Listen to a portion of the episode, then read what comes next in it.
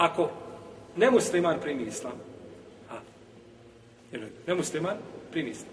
I sada Petar primio islam i kaže, ja sam danas Abdurrahman, šta si ti? Kaže, ja sam i dalje Marija, ja ne gledam CNN, gledam federalnu, ne, bi, ne bi ja to.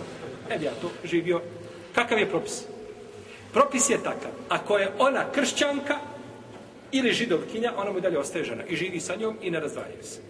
Ili je muslimanu dozvoljeno da oženi kitabiku židovkim i kršćanku, znači dozvoljeno da oženi. I one koje su danas i koje nisu to promijenile, jel tako, nekakvim svojim uvjeđenjima, ateističkim i tako dalje, one su ehlul kitab i dozvoljeno znači da živi se.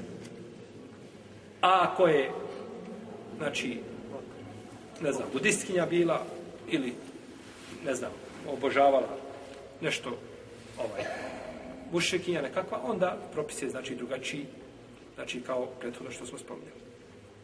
Pa je po pitanju, znači, ovaj, pa je po pitanju toga razlika, uzvišen Allah kaže, oratum siku, ja isem kevafir, i u braku, mnogo boškinje, ne zadržavajte. Znači, neće se zadržavati one koji su kršćanka, židovke, ja može, primoja, može nakon toga sa njom rada primi islam, pa nakon toga gleda ili želi da je razvede ili da živi sa njom takvom kakva jeste, njemu je znači dozvoljeno i ona ne mora primiti islam.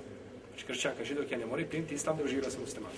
Za razliku, recimo, od e, žene koja se pripisuje jeli, ovaj, budizmu ili, ili nečemu drugom, ovaj, ona bi morala primiti islam i tek nakon se normalno da se hlapati bračnu vesu.